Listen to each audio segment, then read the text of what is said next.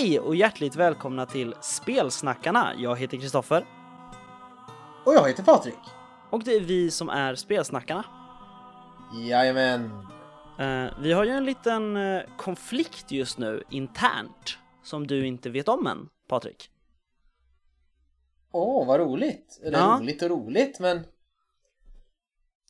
Men jag tänkte så här att jag sparar den tills vi spelar in så att det blir lite så här, vad ska man säga, verklig konfrontation liksom. Okej, okay. det här låter nästan läskigt. Och jo, men jag, jag, vet. Nej, men för, så här är det ju. Vi pratade ju för, för länge sedan om att vi måste börja planera vad vi ska prata om ganska bra tid innan så att vi hinner reda ut och sådär och läsa på oss om vi behöver göra det och sådana grejer. Ja. Uh, och uh, när jag skrev till dig för två veckor sedan så här, ja ah, vad ska vi prata om i nästa avsnitt? Ska vi prata om det här? Då svarade du, ja det har vi ju typ redan pratat om, men okej. Okay. Och då skrev jag, ja, uh, men vi kan prata om det här istället då då. Och sen har du inte svarat på det, så vi vet inte vad vi har för ämne idag ens. Nej, jag bara förutsatte att vi skulle köra det ämnet du föreslog. Jaha, okej. Okay. Eh, så att jag har ju varit lite, lite arg. För jag har missat, jag har missat lite där med andra meddelandet där du skrev då, vi kan prata om något annat. Det har jag missat. Aha, okej. Okay. Ja, kul. Uh, det är ju lite spännande ändå. Ja. För nu står vi ju här helt nollställda och, och har inget ämne egentligen. Då Nej, men jag tänkte prata om det du sa vi skulle prata om. Först. Ja, just det. Som jag tycker vi har pratat lite om, fast nu var det en lite annan frågeställning så att då kanske det blir andra svar. Ja, men precis. Det är det jag funderar på. Det var därför jag tog upp det. Och dessutom så fick vi det ju från en lyssnare. Så det är ju nice. Uh, ja. Men det tar vi sen. Uh, men det, det är väl den färskaste nyheten då. Det är att vi har en liten intern konflikt där jag är lite frustrerad. Och Patrik vet inte att vi har den. Nej. Är det då en konflikt egentligen, när det bara är du som är frustrerad? Uh, jag vet inte. Faktiskt. Det är lite svårt att svara på. Det är ju bara jag som har problem, liksom. Då är det kanske ja. ingen konflikt. Nej. Nåväl. Uh, vi är tillbaks med ett nytt avsnitt här idag. Uh, något sent blir det, men uh, det gör ingenting.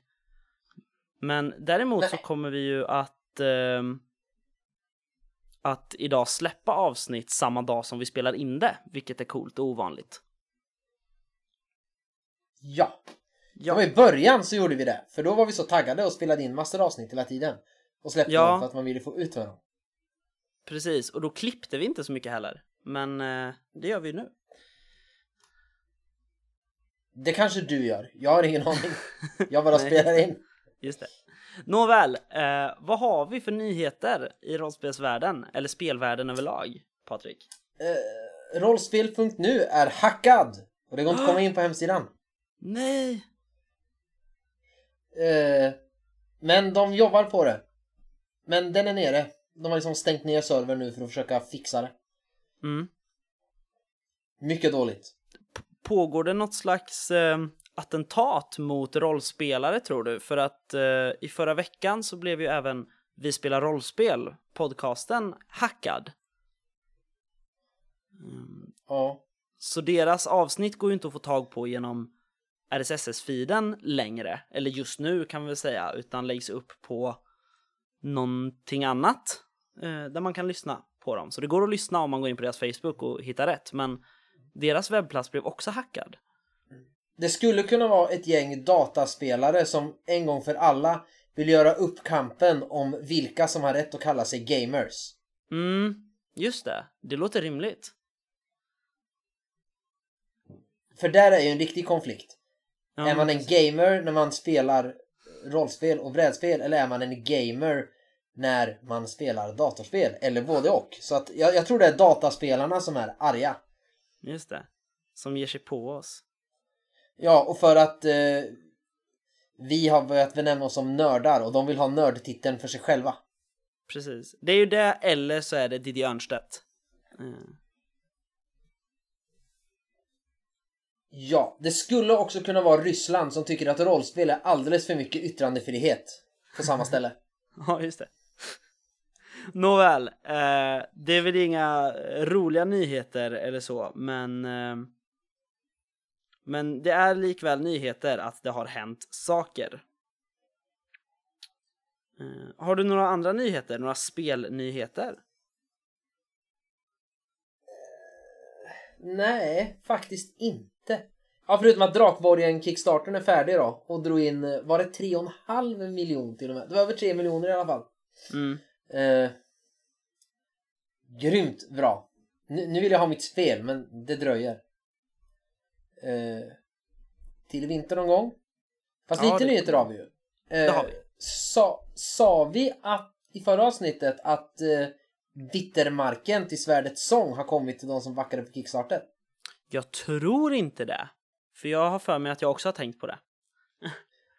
Det har det gjort, på svenska. Eh, Den engelska dröjer lite för det är något strul med varuhus och sånt i, i coronatider och det kan man ju förstå. Eller varuhus, warehouse skulle jag ju säga.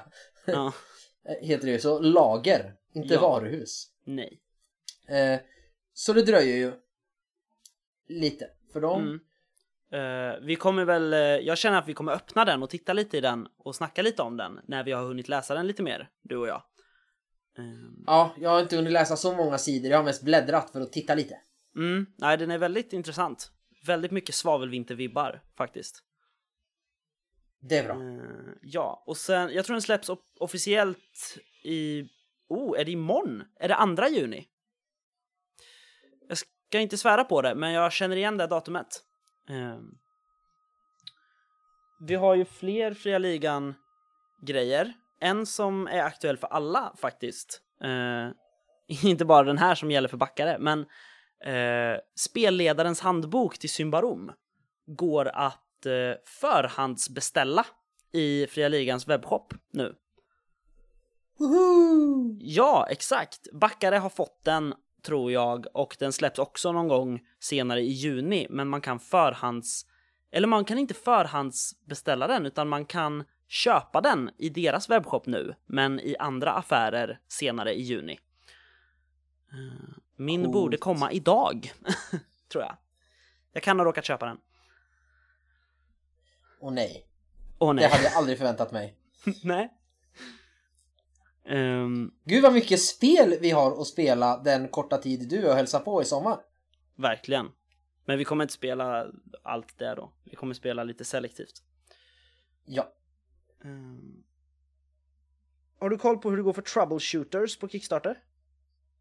Nej, det skulle jag ju kollat upp. Jag bara konstaterar ju att jag har inte råd just nu så att jag eh, bara har släppt den eftersom jag inte Eftersom jag inte har, vad heter det, tänkt backa den. Nej, just det. Ehm. nu hittar ju inte jag här, men jag tänkte så här att jag skulle glida in och bara nej, men jag har koll. Men eh, det hade jag visst inte. Jo, här är den. Uh, 322 procent är den uppe i. Det är två dagar kvar när det här släpps den första juni. Så in och köp skulle jag vilja säga. Det verkar ju coolt.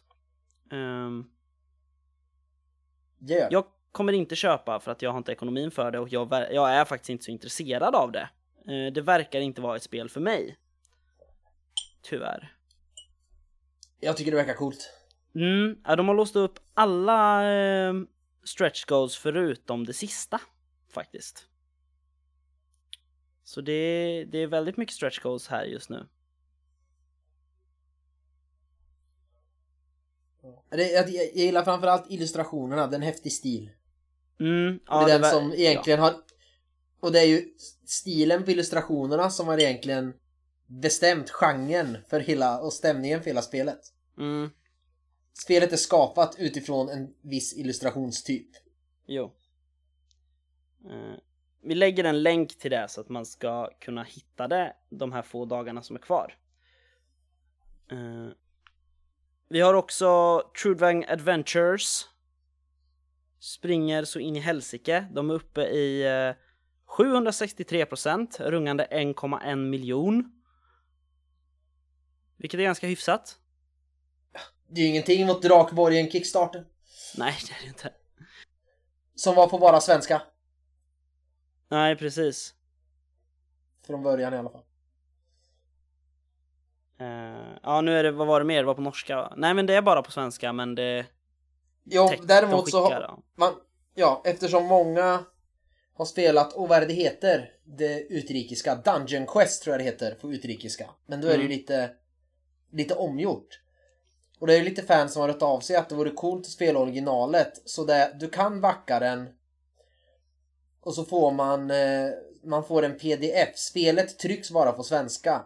Men du får en pdf där det är norska och så var det engelska och något språk till så att du får reglerna eh, på, på engelska kan du få och sen en eh, referenstabell så att eh, du snabbt kan kolla då kortet eh, fallucka då, eh, då kollar du din tabell fallucka och så står det vad som händer med den då vad det Ja, faktiskt står på kortet så att det var väl Mm. bra Jo, men det verkar coolt. Mm.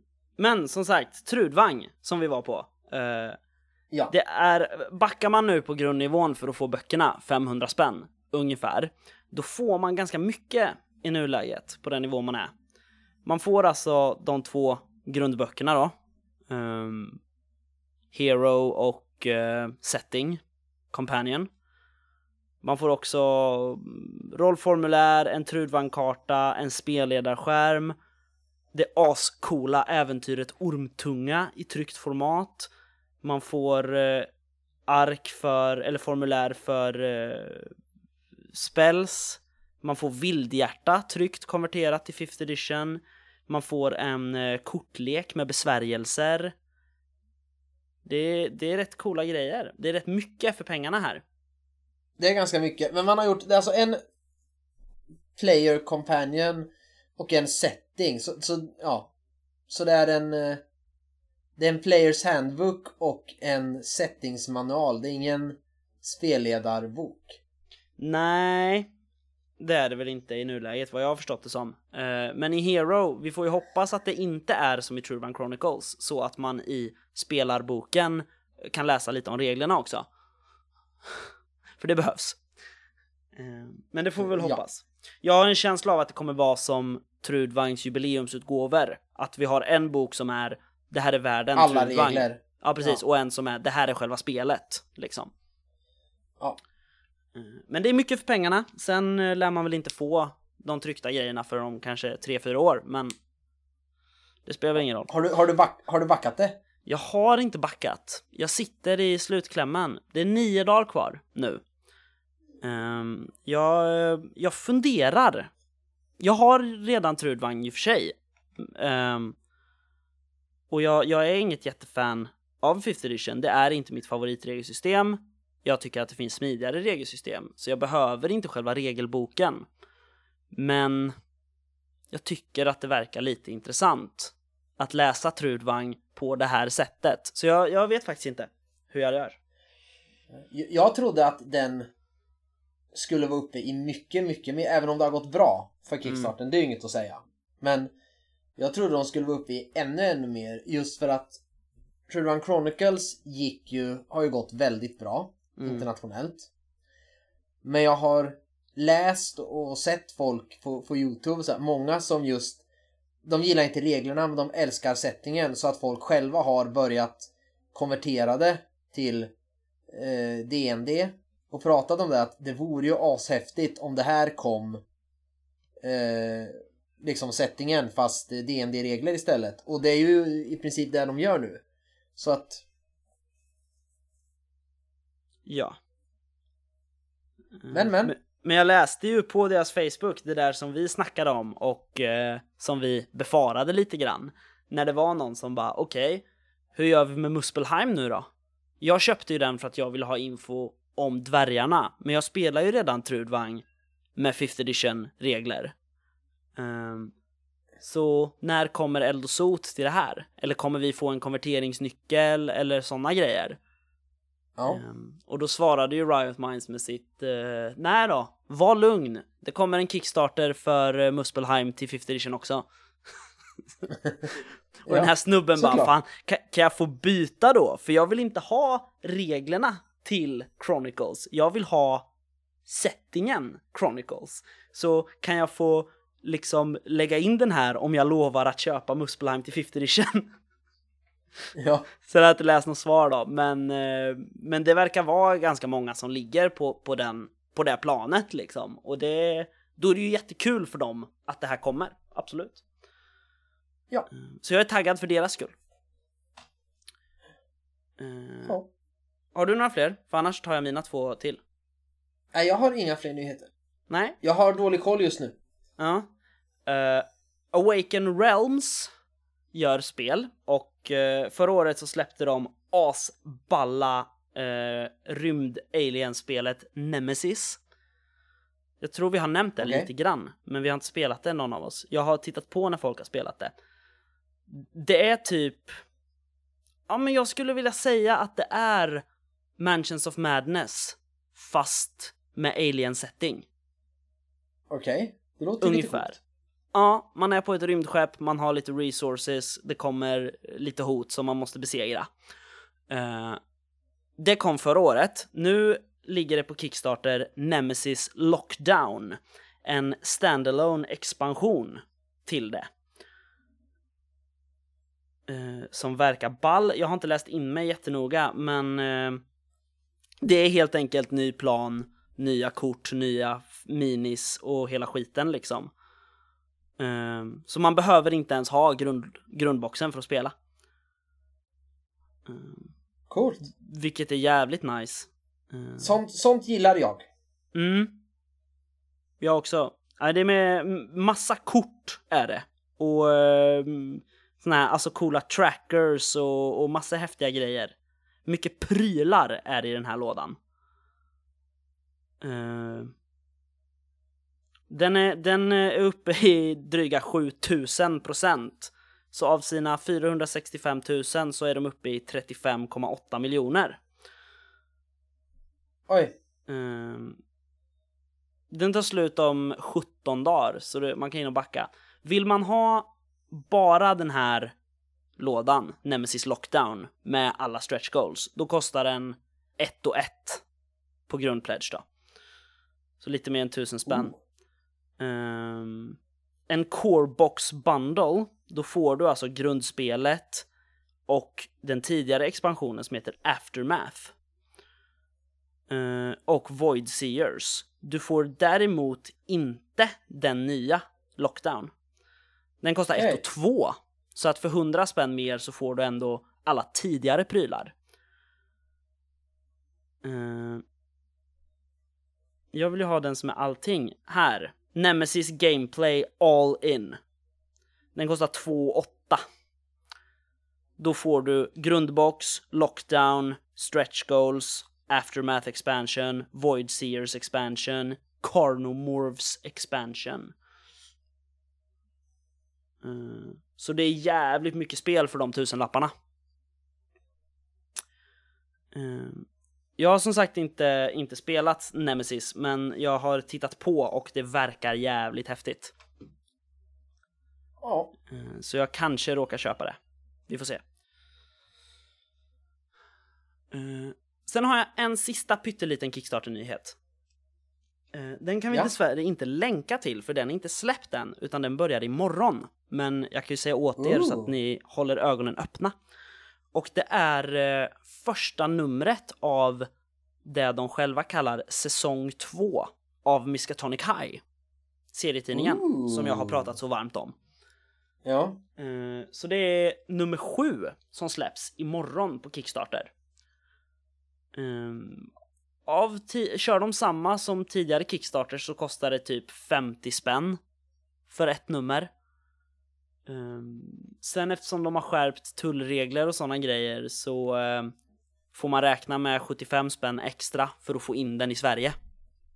Tyvärr. Ehm, Det är lite tråkigt. det är jävligt tråkigt. Jag snackade ju med, med Mike som, eh, som gör tidningen eh, och berättade det här för honom. Och jag bara, kan du inte skriva att det är en gåva på? För att gåvor behöver ju inte förtullas upp till ett visst värde. Ja, det gjorde han, så att när jag fick den så var det så här handskrivet på gift står det. Men sen så var det ju med en räkning i alla fall för att den är skickad Ja. från ett företag Precis. och företag får inte ge tullfria Gåvor. gåvor till Nej. privatpersoner. Tyvärr. Men eh, jag tycker att det är värt de där extra pengarna för att det är en jävligt bra tidning. Ja, men kolla visst in. är det... Visst har man kunnat köpa så du kan lägga på och köpa alla tidigare nummer? Precis. också? Precis. Ehm, brukar inte vara så jävla dyrt. Nu är det ju fler nummer förstås, men jag skulle gissa på att du lätt får alla sju för 500 spänn som max. Det är bra. Det är bra. Jag De ska har väldigt läsa... Jag ska läsa dem någon gång så att jag vet om jag vill köpa alla nästa gång eller inte. Mm. Absolut, det får du göra. Sen har vi nog inte så mycket fler nyheter. Eh, ja, du har ju en som inte jag har. Eller, det är en nyhet. Mutant Hindenburg. Ja, den har ju börjat landa. Eh, Ja. och du är sist i Sverige med att få den som vanligt med alla Kickstarters. Ja, och Robert Jonsson verkar vara typ först alltid att få saker. Ja. När man kollar Facebook. Han är typ först med att få saker i Sverige. Och sen så får du saker och sen får alla andra. Och sen eh, när folk så här har returnerat och fått tillbaka nya för att de har varit dåligt förpackade och gått sönder och det har gått någon månad eller två, då får jag mina. Ja. Eh, ja, nej men den har landat här i alla fall. Första batchen, för att de kommer ju skicka en omgång till eftersom kampanjboken Gryningens beskyddare dröjer lite grann, tyvärr. Eh, Det, det berör inte mig för den la jag aldrig till. nej, just det. Det var smart. För det vart, det vart tillräckligt dyrt med eftersom jag tog hela MUA. Mm, jag betalade 2019 kronor för den här kickstarten. Ja. för att få allt. Eh, nej men så, jag fick ju då regelboken, karta över Hindenburg och Pyrisamfundet, spelledarskärm och rollformulär kom nu. Eh, ganska bra. Jag är lite besviken på att man har valt att appa formatet från tidigare mutantböcker. Så eh, boken är i samma storlek som Varselklotet och MUA-böckerna. Eh, och rollformulären är då A4-ark istället för de fina, lite nättare till gamla MUTANT. Eller alltså till, till MUTANT 0 Ja. Ja. eh, tyvärr. Spelledarskärmen är alldeles glansig och så står det MUTANT Hindenburg med stora bokstäver på framsidan. Det är lite stavfel i boken. Jag är inte övertygad hittills. Måste jag säga, tyvärr. Nähä. Eh, Men jag håller på att göra en karaktär så, så får vi se sen helt enkelt. Vi kommer ju snacka med tant Hindenburg, förstås. När du har fått det sen. Ja. Mm. Vad, vad är det du eh, är missnöjd med då? Nej men det, det, det är så här bra första intryck fanns inte liksom. Det var så här, jag tog upp spelledarskärmen och bara logga. och sen så är det så här äckligt glansigt. Jag vill ju ha lite mattare spelledarskärmar. Ja. Mm, För att de ska vara lätta att ta på, men den här är lite så här glansig och äcklig. Och sen i boken så... eh, Nej men det var så här, jag har ju haft en liten, en liten tes från... Från eh, Bittermarken och Mörkrets moder har jag slagit fram tesen att efter att Fria Ligan och Järnringen gick ihop så har man så många saker att korrläsa att det blir lite sämre korr på varje produkt. Eh, I, Aha. eh, ja men i Bittermarken så är det någon tabell där det är så här nummer två kommer två gånger och sen kommer nummer fyra. Eh, till exempel i typ första kapitlet. I eh, Mörkrets moder var det mitt i ett stycke där det var kursiverad text så var det typ två ord som inte var kursiverade. Um, och i eh, Mutant Hindenburg så var det också så här i första kapitlet så bara, aha, stavfel. Um, och jag vet att det är jättesmåsint av mig. Det är svårt att göra böcker, måste det vara, så in i helvete. Men, men det blir så här, det känns som att det har tappat i sån noggrannhet, både från Fria Ligans tidigare produkter och Järnringens tidigare produkter. Ja, för det som järnringen, alltså när järnringen återuppstod och började göra Symbarom Mm. så har det väl varit genomgående hög kvalitet rent eh, alltså hur böckerna är eh, ja, men, tryckta och skrivna liksom. Verkligen. Oavsett vad man tycker om inne, oavsett vad man tycker om innehållet så har det ju varit liksom bra eh, korrat om man kan säga det så. Ja. Och det har Alltså, det är inte ju försvunnit hantverk. så mycket i layouten liksom. Nej. De har varit en av de bättre upplever jag, svenska, alltså som har genomgående minst fel eller vad man säger, missar. Mm.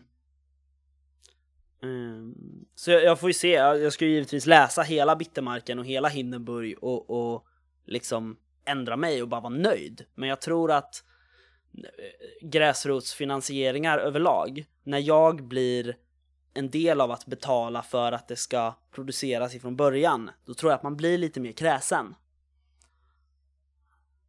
På ett sätt. Mm. Så, så kan det vara. Så det kan vara det som är grejen. Men annars, alltså jag, jag gillar eh, Jag gillar idén, tanken, liksom. Bara att simutanten som är med på bilden för att visa simutanter ser ut som han Nu kommer jag inte ihåg vad han heter, men han kortväxta killen i Twin Peaks Han i röd kostym Som pratar baklänges ja. Jajamän. Eh, Det är ju han som är på bilden för simutanter Vilket är jävligt ball Eh, och Det var så, lite kul. Ja, och så får första förslagna namnet om man spelar yrket artist är Axel Ros. Vilket också är lite roligt. Det är lite roligt. Ja, nej men eh, så jag håller på att göra eh, karaktär. Men eh, vi, vi får se helt enkelt. Ja. Avsaknaden av äventyr i grundboken är ju också otroligt närvarande. Tyvärr. Ja, men de, har, de gör ju en... Det är därför de har gjort en kampanjbok också. I samband med. Ja, men om jag inte vill köpa kampanjboken utan jag vill ha ett introduktionsäventyr. Ja. Nåväl. Eh, Så kan det vi, vara. vi kommer titta mer på Hindenburg. Eh, när Patrik har Ja. fått det och vi har hunnit läsa det. Förstås. Ja, Har du spelat någonting sen sist Patrik? det har jag. Mm. Jag eh, har spelat lite, vad heter det? Stjärnornas krig med Alva. Har jag gjort. Mm. Hon... Eh, jag fick ett infall och så köpte jag faktiskt eh, The Rise of Skywalker på min Apple TV. Okej. Fast jag inte tycker den är så bra egentligen. Och Alva har ju då, när hon går upp här klockan fem på morgnarna på helgerna så har hon suttit och sett den här varje morgon tills jag vaknar. Så hon har sett den typ fem gånger på fyra veckor. Och hon bara Alltså pappa Hur kan kejsaren komma tillbaks? Han är ju död. Och så bara Ja men du vet kloner och lite häftiga sittkrafter. Hmm, ja. Det är som den där tragedin om Plagius Wise. Och jag bara mm. Lite så. Eh, så att eh, nu när vi ska spela så har ju Alvas karaktär Padawan och Baby Yoda, de har ju åkt till Exogol för nu när hon vet att ah, det är Sith-planeten. Jag har ju bara berättat att Sith har en hemlig planet någonstans. Just det. Men nu har jag ju kunnat säga till henne att det är Exegol, så de har infiltrerat lite och hittat lite Sith-holokroner och sett att det är nu, för det här är ju liksom innan republiken ens bildas, spelar ju hon. Mm. Det är prequel, prequel, prequel. Eh, så hintas det där om att de har börjat forska om det här med att föra över sin själ till, eh, till kloner eller andra levande varelser. Eh, de har börjat titta på det men de överlever inte så länge. Själen går sönder men de, de tittar på det. Det. Så det har hon nu lyckats luska fram. Och jag har försökt förklara så då kom hon här i, igår på morgonen så bara Pappa, nu har jag tänkt på när vi spelade i lördags. Nu tror jag jag nästan fattar. De, de lyckades göra det där de håller på och tränar på och det där kejsaren har gjort. Och jag bara, Ah. mm, så kan det vara. Så kan det vara. Smart. Ja. Eh, och sen har jag spelat Trudvang med dig och Mattias. Mhm. Alltså min karaktär, hon är ett sånt jävla asshole. Hon är helt störd, eller hon är inte ett asshole, men hon... Hon, är, hon har ju någon psykisk störning. Säkert. Har hon. Alltså, Bara ja. hmm. Vi, vi behöver säd. Ah, vad är min första plan? Ja, vi typ rån... Eh, våldtäktsmördar den här karn liksom. Och får det se ut som att någon har, annan har gjort det. ja men vi tog väl hans säd först? Ja, Eh, men eh, nej, hon var, hon var skum. ja. Jag, jag gillar henne, men hon är lätt, eh, hon är lite psykiskt instabil. ja. Men det är ju Svein också. Min karaktär. Sveiker. Sveiker, förlåt. Svein var ju en companion i en gammal kampanj va? Ja, här Sveiker som jag kallar för Sveiker. Svikan hela tiden. Ja. Sveiker, just det. Jag glömmer bort vad min karaktär heter. Ja. Ja, ja. Ja, eh, men det är spännande spel faktiskt. Vi får se vad det är kampanjen riktigt handlar om i slutändan.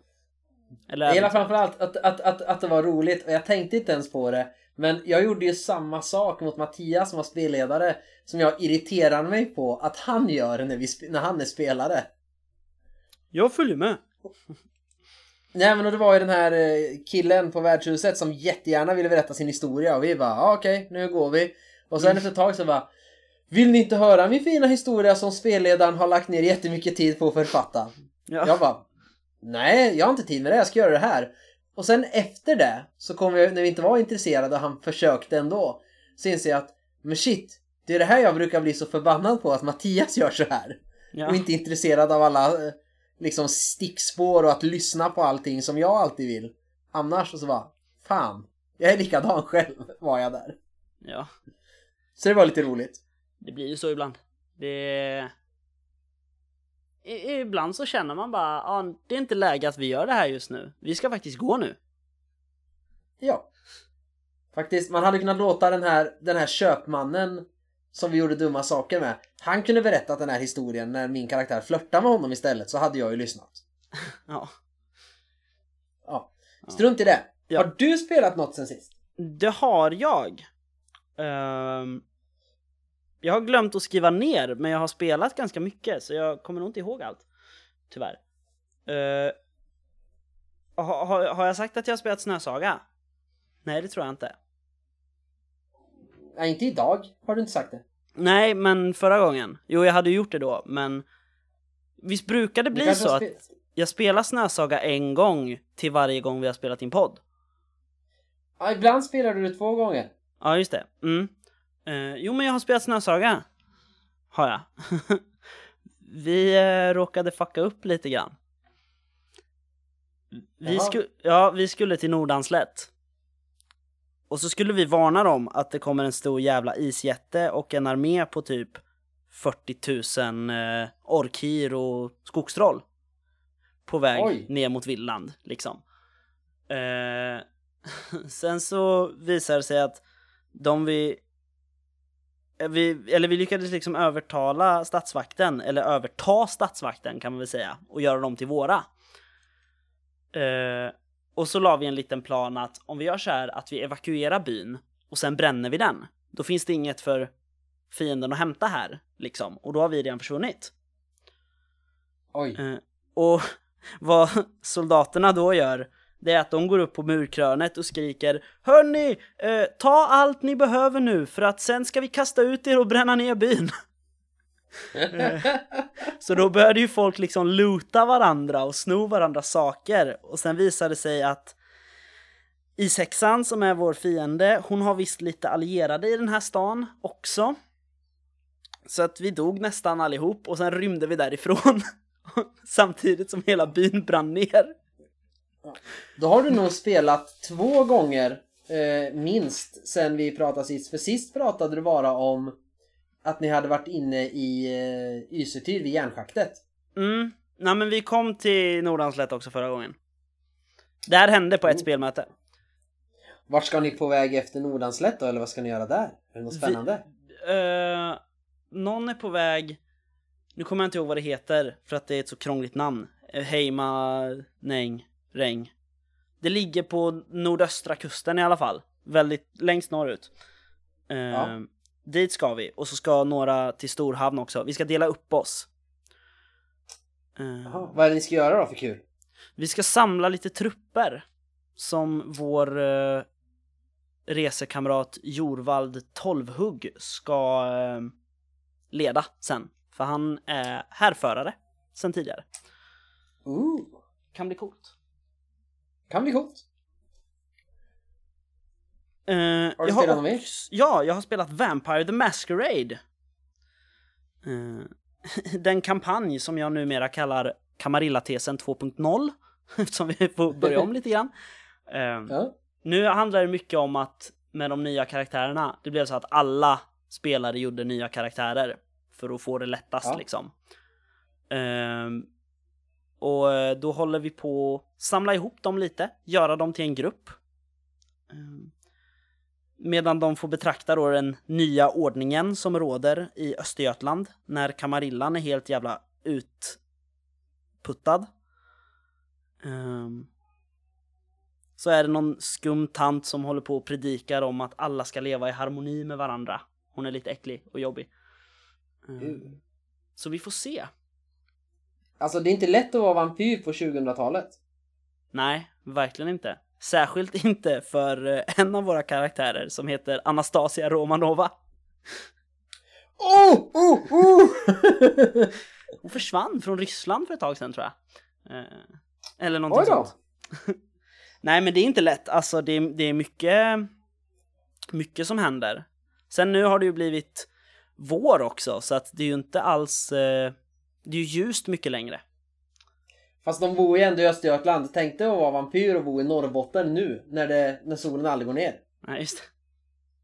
Det är skitsvårt. Ja, fy. Uh, men det viktiga, är Jerry med skåpbilen kvar i kampanjen? Det vet vi inte ännu. Ooh. Tyvärr. Uh, vi får se om Jerry med skåpbilen är kvar. Vi har istället uh, den franska chauffören Philippe Guillard han, är, han är den nya. Han kör runt på uh, familjen Romanov och uh, pratar franska. Han är nya Jerry. Uh, Coolt. Ja. Sen har jag nog...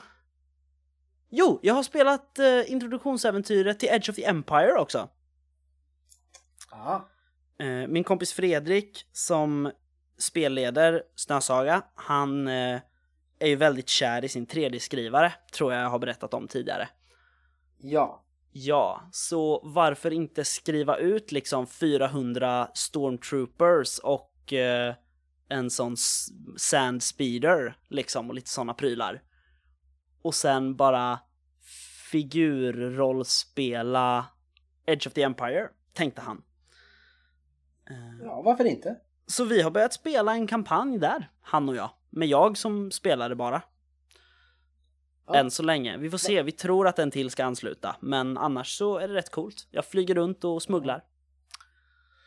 Jag behöver spela det där snart för jag, jag har ju den här startboxen. Mm.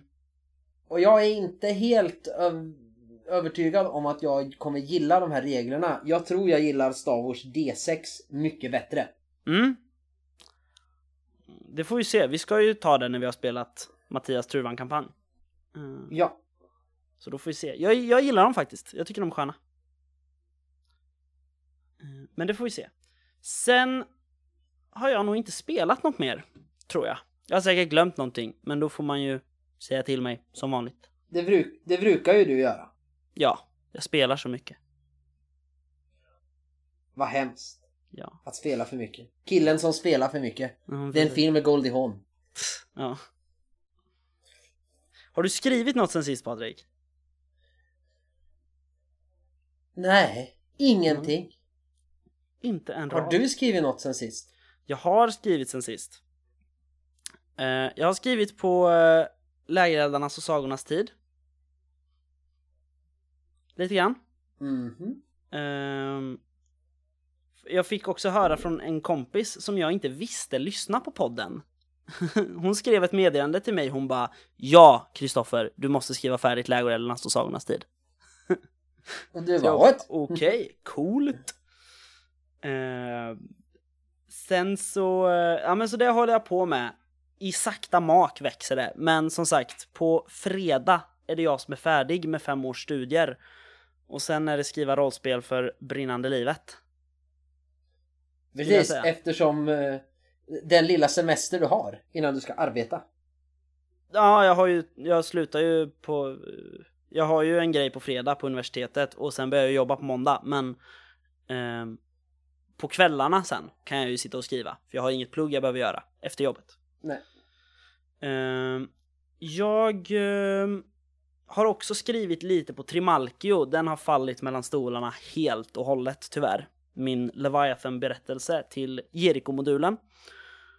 Eh, det enda som är kvar är kapitlet med beskrivning och speldata för berättelsepersonerna. Men det, det, är nu det börjar komma in siffror och regler och det är då jag tappar lite fokus. Ja men det har vi pratat om för det är ju det, det är ju som nu när man ska läsa igenom och sådär till regimen. Det, det är mycket lättare när man sitter med sin idé och de här första att bara fylla hundra sidor med en häftig story eller en text så här, det är ju inte svårt. Då skriver man ju på inspiration. Det är ju att ta sig i kragen och göra det där andra. Så bara, åh nej, jag måste få in åtta vapen till i den här jädra tabellen. Och så har man redan tagit de här coola man har hittat på. Jo. Nej men här är ju, alltså de här karaktärerna är redan färdiga. Alltså berättelsen är ju, är ju klar. Den är ju färdigskriven. Ja. Det är ja. bara liksom, det måste till lite siffror för de här personerna. Det är bara lite grundegenskaper och färdigheter i princip. Men det, det jag vet inte varför, men det tar eh, fokus. Ja. Uh, sen har jag också börjat skriva en liten, uh, eller en ganska stor, det är fyra äventyr är det, uh, kampanj till Handbok för superhjältar. Ooh. Som i brist på bättre namn bara heter Svarta Masken än så länge. Ehm, men det består av fyra äventyr som heter Stenen från Kartago, Orättvisans princip, Robin Hood-kuppen och Den svarta maskens triumf. Uh.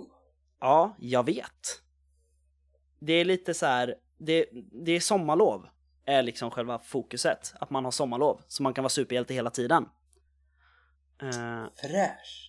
Så att de här plikttabellerna från regelboken, de är ju inte aktuella längre. För att man kan ju inte ha de här göra läxor-grejerna med. Nej, men man borde kunna göra en annan plikttabell. En lite så här uh, cykla och köpa glass med lillebror, vattna gräsmattan. Way ahead of you. Det är ah. en sån tabell med i början. En uppdaterad ah, tabell okay. i uh, introduktionskapitlet.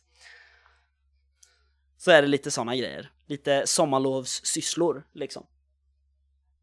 Fräsch! Eh, så det håller jag på med för att jag kan inte ha ett projekt som jag slutför innan jag börjar på nästa, utan jag måste jobba hela tiden. Jag är likadan. Ja. Ehm. Sen har jag nog inte skrivit något mer. Nej.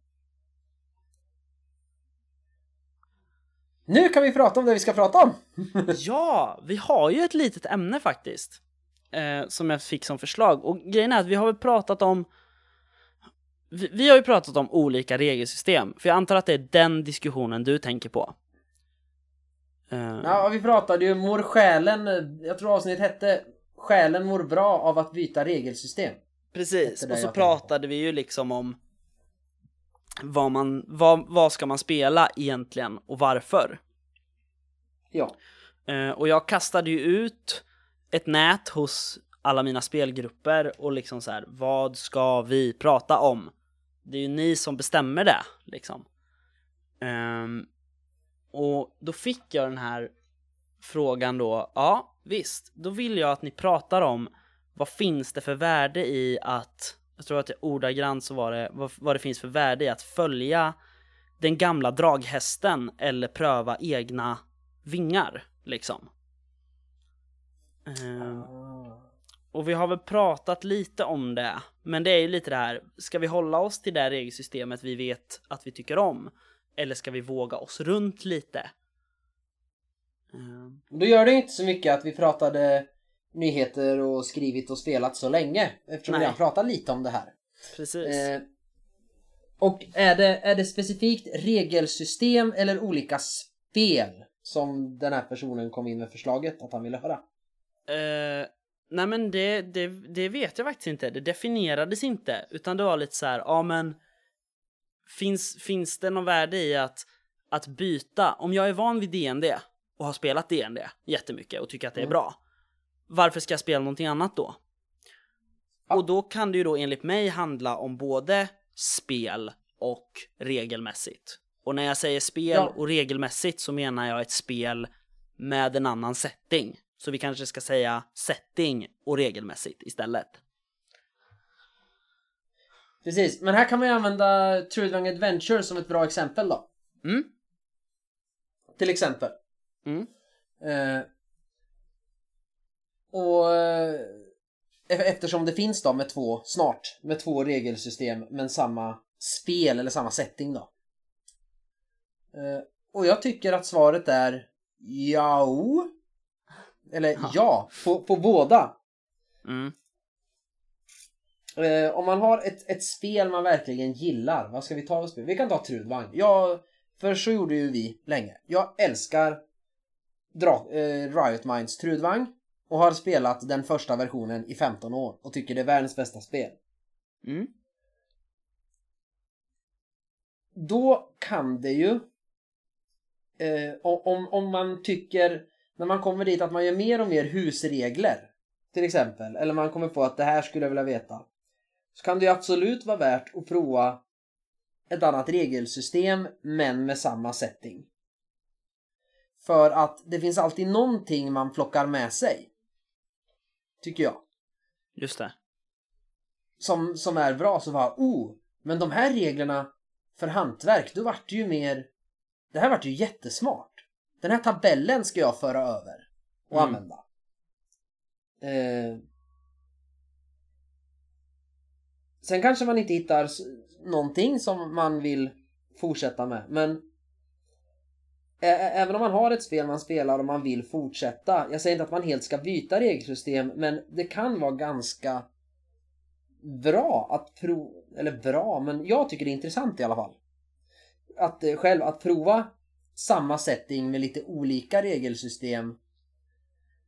För att antingen hitta ett som passar bättre, men även om jag är nöjd med det här regelsystemet överlag så hittar jag nästan alltid någonting jag kan ta med mig och göra om. Mm. Eh, det är en lite annan sak man pratar rena spel. Ja, men jag... Eller alltså settingar. Om jag nu vill spela Trudvang. Varför ska jag då prova att spela RuneQuest eller MUTANT? Men nu tycker jag också det att det är bra att bryta fokus ibland.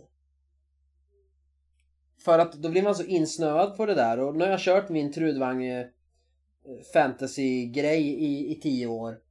Sen plötsligt kör jag MUTANT. Två spelmöten bara. Ja, mm. det kanske inte var världens bästa setting, men även där, jag kanske tar med mig någonting som var wow! De här jävla motormarodörerna som åkte runt sina jävla 240 de var ju ascoola. Så tänker spelledaren lite och sen så kommer det snösvinsmarodörer i Trudvang helt plötsligt. Mm. Som gör precis likadant och har tuppkam. Men de rider på snösvin istället. Ja. Så att eh, jag, jag, tycker att även om man är jättenöjd med det spel man spelar och älskar det både regelmässigt och settingsmässigt så kan det utveckla det, det kan framförallt utveckla en spelledare men även spelarna och hela den story, den kampanj man håller på med om man då och då spela lite andra saker för då tar man nya intryck. Mm. Jag tycker inte alls om Dungeons and Dragons eller D20 överlag men jag tar ju med mig lite grejer när jag läste Players Handbook till 5th edition. Mm. Inte mycket, men lite saker som, men det här är en ganska intressant grej. Till exempel. Just det. Så att man ska göra, jag tycker man ska göra det ibland. Ja. Även om man är jättenöjd med, med det man spelar för att sen hittar man något annat man gillar också. För vi spelade ju samma... Jag hade spelat lite annat så du kan nästan ta det om du vill. Eller säga något som du vill. Alltså värdet med att byta och hur det gick till eller? Ja, eller att inte byta. Nej men alltså grejen är så här. Jag tror att för frågan som den ställdes, alltså ämnet nu, det är ju det här, ska man följa den gamla draghästen och då inom parentes DND? För det får man ju ändå säga, liksom DND kom 74 va, tror jag, första. Så att det är ju en, en trogen, ett troget spel liksom på marknaden och har hållits vid liv. Um, så jag gissar att det är det som åsyftas. Ska man spela DND eller våga testa annat? Uh, mm. Och i Sverige, vad jag har fått känslan av att folk har fått upp ögonen på 5th edition är mycket, har vi pratat om, via populärkultur, som jag har förstått det. Uh, I alla fall i de spelgrupper jag har spelat DND. Så är det för att man har sett andra göra det i tv och film och så. Uh, ja. Men i Sverige så har vi alltid haft en så bred arena med rollspel.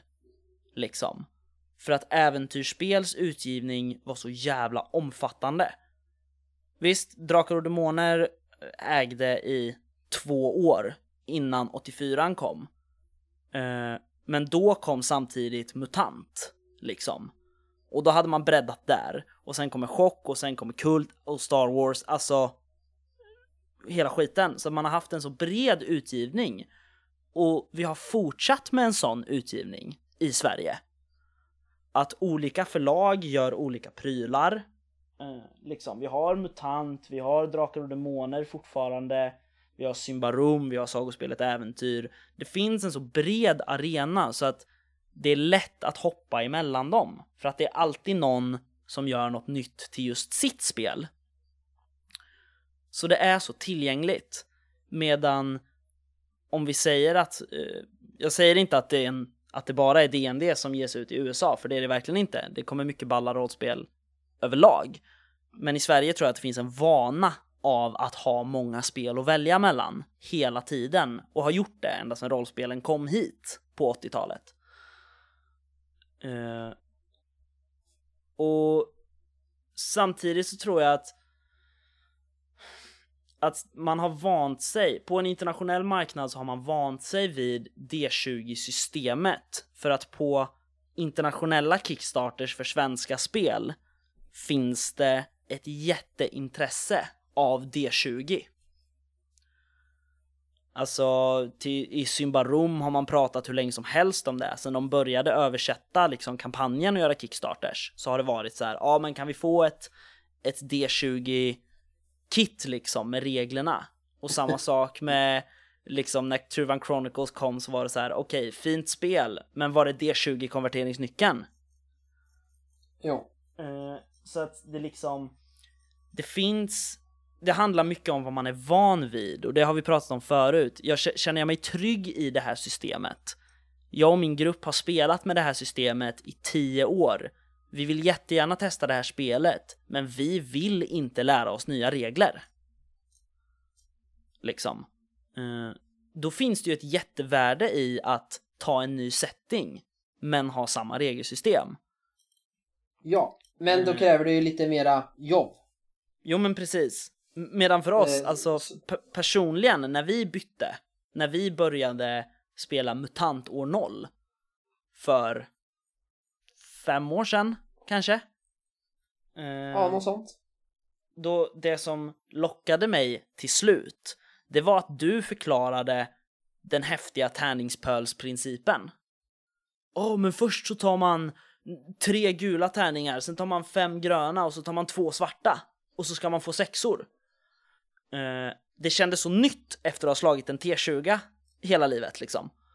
Ja, T20 slår lågt hela Ja, men precis. Så att på mig, det som lockade mig, det var att det var fräscht och det var något nytt och coolt. Uh, och det var därför Medan jag vissa blir skrämda av det.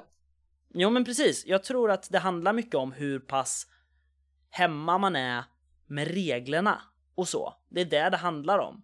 Tyckte jag att det var jobbigt att lära mig reglerna första gången, ja då kanske jag inte vill testa ett nytt regelsystem. För varför då? Nu har jag ju lärt mig de här. Uh, och det är där alltså 5e, D20s öppna så, det är där den är så jävla bra. För att den kan du bara kasta på precis vad som helst. Det är som Fate Core snart nästan. Ja, eller eh, v- VRP. Med, Ja, med val, alltså original VRP och sen väljer du valfritt settingshäfte om det ska vara apokalyps, eh, eller Magic World eller eh, sci-fi. Precis. Eh, så, så blev det ju när jag, och det är ju det jag menar att om vi har ett system som folk är trygga i, då behöver vi inte ett nytt system. Om det inte finns något för oss som lockar i ett nytt system, men i en ny setting. Precis, men Eh. då ska det ju finnas stöd för de systemen. Men det, det finns ju en fara med det där, Mhm. ty- tycker jag. Eller fara, men det jag när man har sådana system som går lätt att anpassa till andra settingar Mm. och så. Då blir det inte...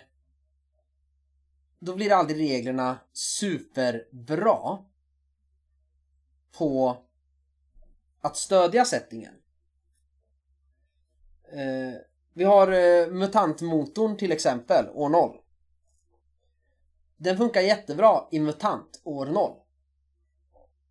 Men i Genlab Alpha så märker man att vissa regler haltar. För att förutsättningarna är annorlunda, settingen är lite annorlunda. Och då blir vissa regler bara konstiga. Och fyller inget syfte. Mm. Medans i urvarselklotet För där är det, även om grunden är samma Ta tärningar utefter grundkunskap och färdighet och slå. Men Där har man ändå gjort om dem så pass mycket Så att de är knutna till den settingen mer. Eh, och det är likadant med BRP Du måste jobba om det men ett helt generiskt BRP Det blir aldrig jättebra på att främja, alltså, vad, för det är inte gjort för den världen, settingen du spelar i, utan då måste du alltid vara inne och kladda i det. Mm. Och det blir aldrig riktigt bra. Även, även om det är tillräckligt bra. Och det är väl det som är problemet med, med 5E då till exempel. Och, och, och Fate också. För Fate är ju så pass simpelt så att det främjar kanske inte settingen så mycket alls. Eh, eller bidrar till stämningen. Medan det finns spel där där det är helt där reglerna är så inflätade i settingen och verkligen gör och främjar stämningen när man spelar. Mm. Men Ja. jag håller ju men, men jag håller med. Generiska regelsystem är ju jättebra om man inte vill byta regelsystem men man vill prova att spela lite rymdopera istället. Precis. Um, och det är väl det jag känner egentligen till viss del att ibland önskar jag att det vore skönt om det bara fanns ett regelsystem. Um, för att vi, vi tar BRP till exempel då som väldigt tidigt system liksom. Uh. och eh, om det var det enda regelsystemet liksom. Det är ingen som blir kreativ med reglerna utan ja, här har du din färdighet, slå för den. Och sen så får ju färdigheterna heta olika saker beroende på setting förstås. Eh, Ja. Men vad lätt det skulle vara att bara ta till sig alla rollspel då, egentligen. Ja. Vad lätt det skulle vara i min grupp att övertyga dem om att spela ett annat spel som vi inte har spelat. För att vad som är mest nu, det är så här, nej men ah, okej, vi har bara en regelbok, ska man lära in alla regler då? Utan det är bara så här, nej, för vi kör BRP. Um, ehm, så, så ibland så känner jag att det vore det skönaste. Och om vi ser då den här följa den gamla draghästen som istället ett regelsystem, då tror jag att ja, det finns ett värde i det. Jag tror att väldigt många spelare skulle ha en större comfort zone vad gäller att testa nya spel om alla spel var BRP eller D20. Liksom. Om Ja. du fattar vad jag menar. Ja, absolut. Men nu ser ju inte världen ut så och då tycker jag att man inte ska vara rädd för nya regler om det är ett spel man är sugen på utan använd dem lite lagom då. Försök att få någon som Ja men om du har en uh, Dungeons and Dragons grupp och de är jättesugna på ja, men vi, vi tar MUTANT varför vi pratar om det. Mm. De vill spela MUTANT. Men de vill lära sig massa regler och hålla på. Ja men se till att hitta en snubbe som har spelat mycket MUTANT då. Den version man vill spela. Låt honom göra karaktärerna. Använd färdiga karaktärer. Låt den personen vara spelledare. Och plugga inte in några regler. Utan kör en session och när ni ska göra något. Ja. Ah, du ska slå en... eh, Du, du ska slå en eh, T100. Eller en T20. Fast du vill ha så lågt som möjligt. Va, vad står det här? På, på pappret? Det står 75%. Ja. Du, då ska du slå och få under 75 så har du lyckats. Jo. Säger man då. Och, rest, och så behöver man inte göra mer. För då kan man spela det och så lära sig regler eftersom. Jo. Och spela två spelmöten och bara det här var inget roligt eller det var ascoolt. Och jag Ja, gillade reglerna det. också, kanske till och med. Så att, för jag förstår vad du menar och håller med. Det är klart att det om man inte vill hålla på och plugga regler och köpa massa böcker och man är ju bekväm med det man känner till. För Mm. det är ju inte läskigt. Så det är Nej, klart man ska precis. fortsätta i så fall och spela där man vill. Men, eller där man har gjort. Men man kanske kan hitta vägar runt det här att lära sig så mycket nya regler för att bara testa något nytt. Mm. Kanske framförallt för att testa en ny setting och så. Kanske det är lättare i spelgruppen att köra det väldigt regellätt då. Men testa på settingen. Eftersom det är ett ganska stort jobb att konvertera till exempel MUTANT till D20. Mm. när det ska hänga ihop eh, med alla eh, ja, men, utvecklingssteg och, och sådana där saker. Och, och Ja. färdigheter. Så att man kanske provade lite lätt först. Med något lite lättare regelsystem som går fort och, och liksom som är färdigt så att säga. Och gillar ni det och bara ja vi gillar verkligen settingen men, men vi vill inte lära oss de här Alltså vi vill inte lära oss allt av de här krångliga reglerna. Vi har lärt oss vilken tärning vi ska slå. Mm. Men, vi, men då kanske man kan ta sig tiden tillsammans och konvertera det till D20 då. När man väl har provat på det. Men det är inget jag skulle göra. Eh, Jag skulle ju inte ta Call of Cthulhu till exempel. Som jag tycker om. Nu är ju det VRP i och för sig. Så det var ett dåligt exempel. Eh, Ta chock då, åter från graven. Ja, vi tar chock åter från graven. Eh, jag skulle ju aldrig bara hmm, jag tror jag vill spela det här spelet men eh, jag vill ju köra BRP. Jag skulle inte köpa spelet, gå hem, sätta mig, göra en all-out konvertering till VRP och sen bra, nu ska vi spela det här. Och så tycker jag kanske spelet är cass. Och mina spelare också, utan då skulle jag väl spela med de reglerna som finns och så lite som möjligt av dem bara för att känna på spelet och settingen. Och sen när jag kommer på att det här var ju skitkul och mina spelare också, vi vill fortsätta. Fast vi vill spela BRP, då tar jag tag i konverteringsarbetet. Mm. Känner jag. Ja, Så man inte gör fem veckors jobb och kastar det i sjön för det var ingen som gillade spelet.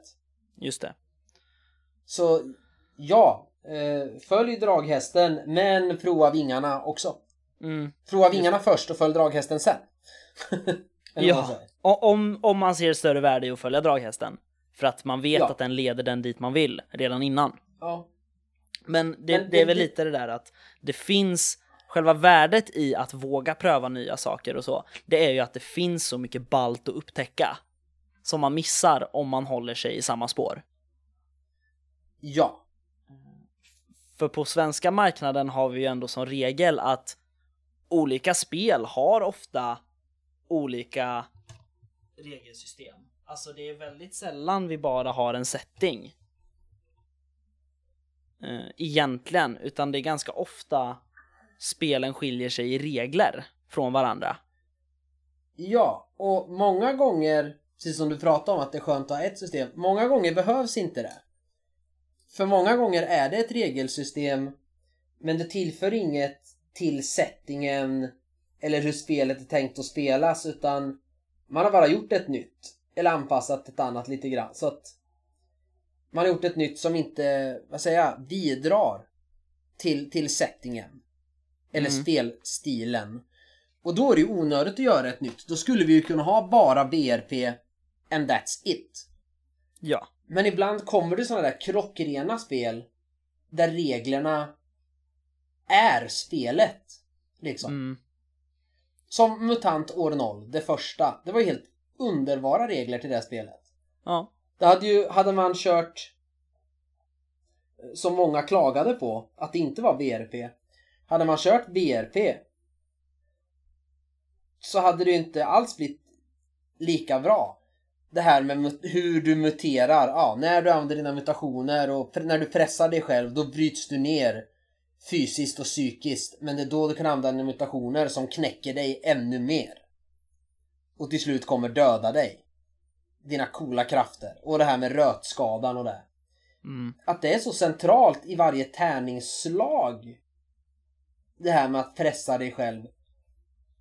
Det gör, det liksom hjälper ju till att definiera settingen och hur man spelar det här spelet. Medan i Coriolis vart det inte alls lika bra.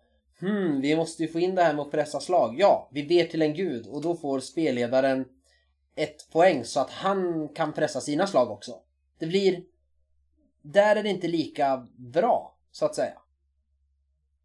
Alltså lika Nej. logiskt, det bidrar inte på samma sätt till settingen.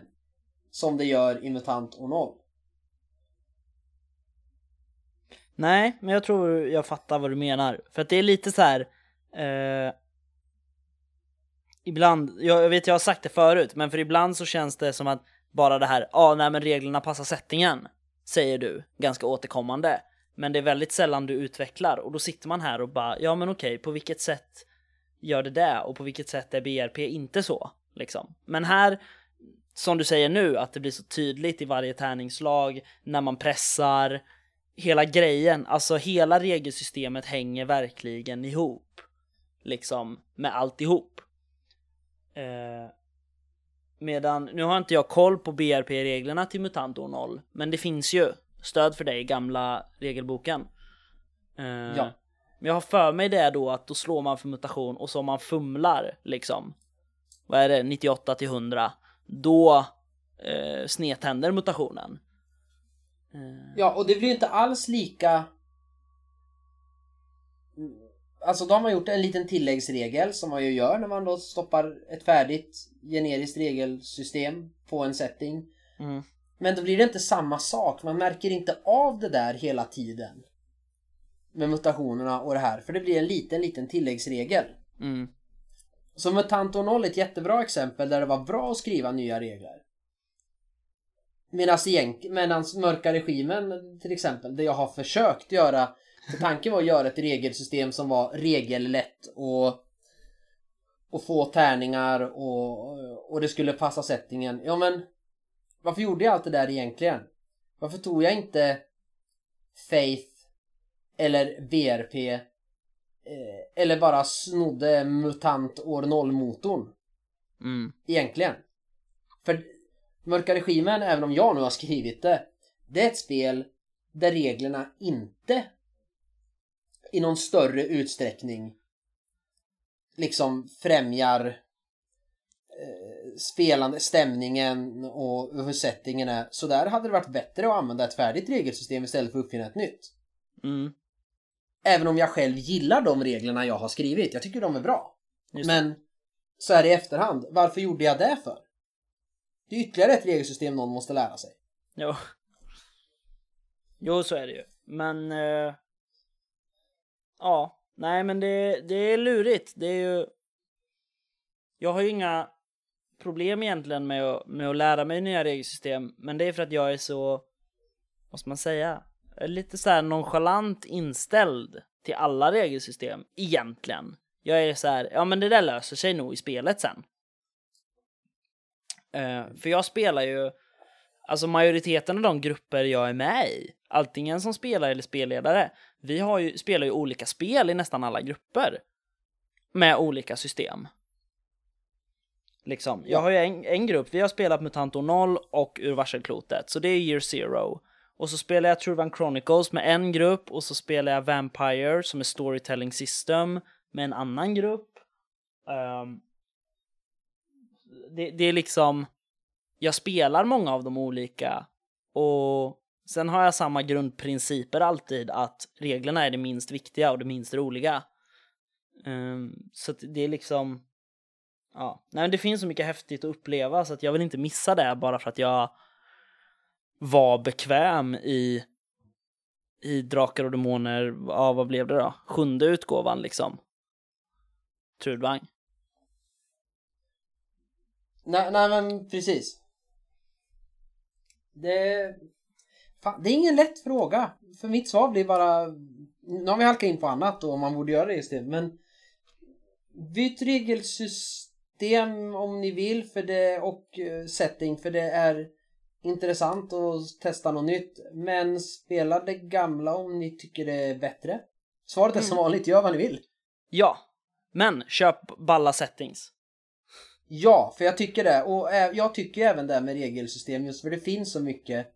Så hur mycket man än gillar det man gör. Testa något annat då och då. För att se om det är någon behållning. Konvent är ju jättebra grej. Mm. Att, för, för då har du ju inga förberedelsetid och det är ju som gjort ofta för folk som inte har koll på reglerna och man har inte tid med så avancerade regelgenomgångar heller. Utan åk på ett konvent och prova två andra spel och sen nästa år så åker du på konvent och provar ett eller två spel. Mm. Så kanske man hittar något guldkorn till slut. Precis. För det tåls att sägas igen. Vi har sagt det förr, vi säger det igen. Själen mår bra av att byta regelsystem. Ja. Ja. Jag vet inte om lyssnarna som bad om det här fick vad de ville, men det spelar ingen roll. Nu har vi pratat om det. Eh. Hurra! Hurra!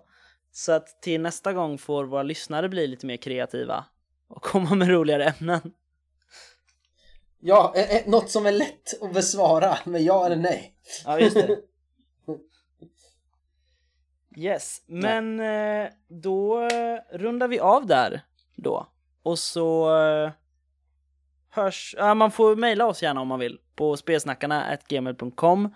Man kan gå in på facebook.com spelsnackarna lägga en liten kommentar under det här avsnittet om man vill. Um, skicka ett meddelande till oss eller skicka snigelpost. Ja. Ja. Uh, tack för ett bra avsnitt. Tack själv. Hej då Kristoffer. Hej då Patrik.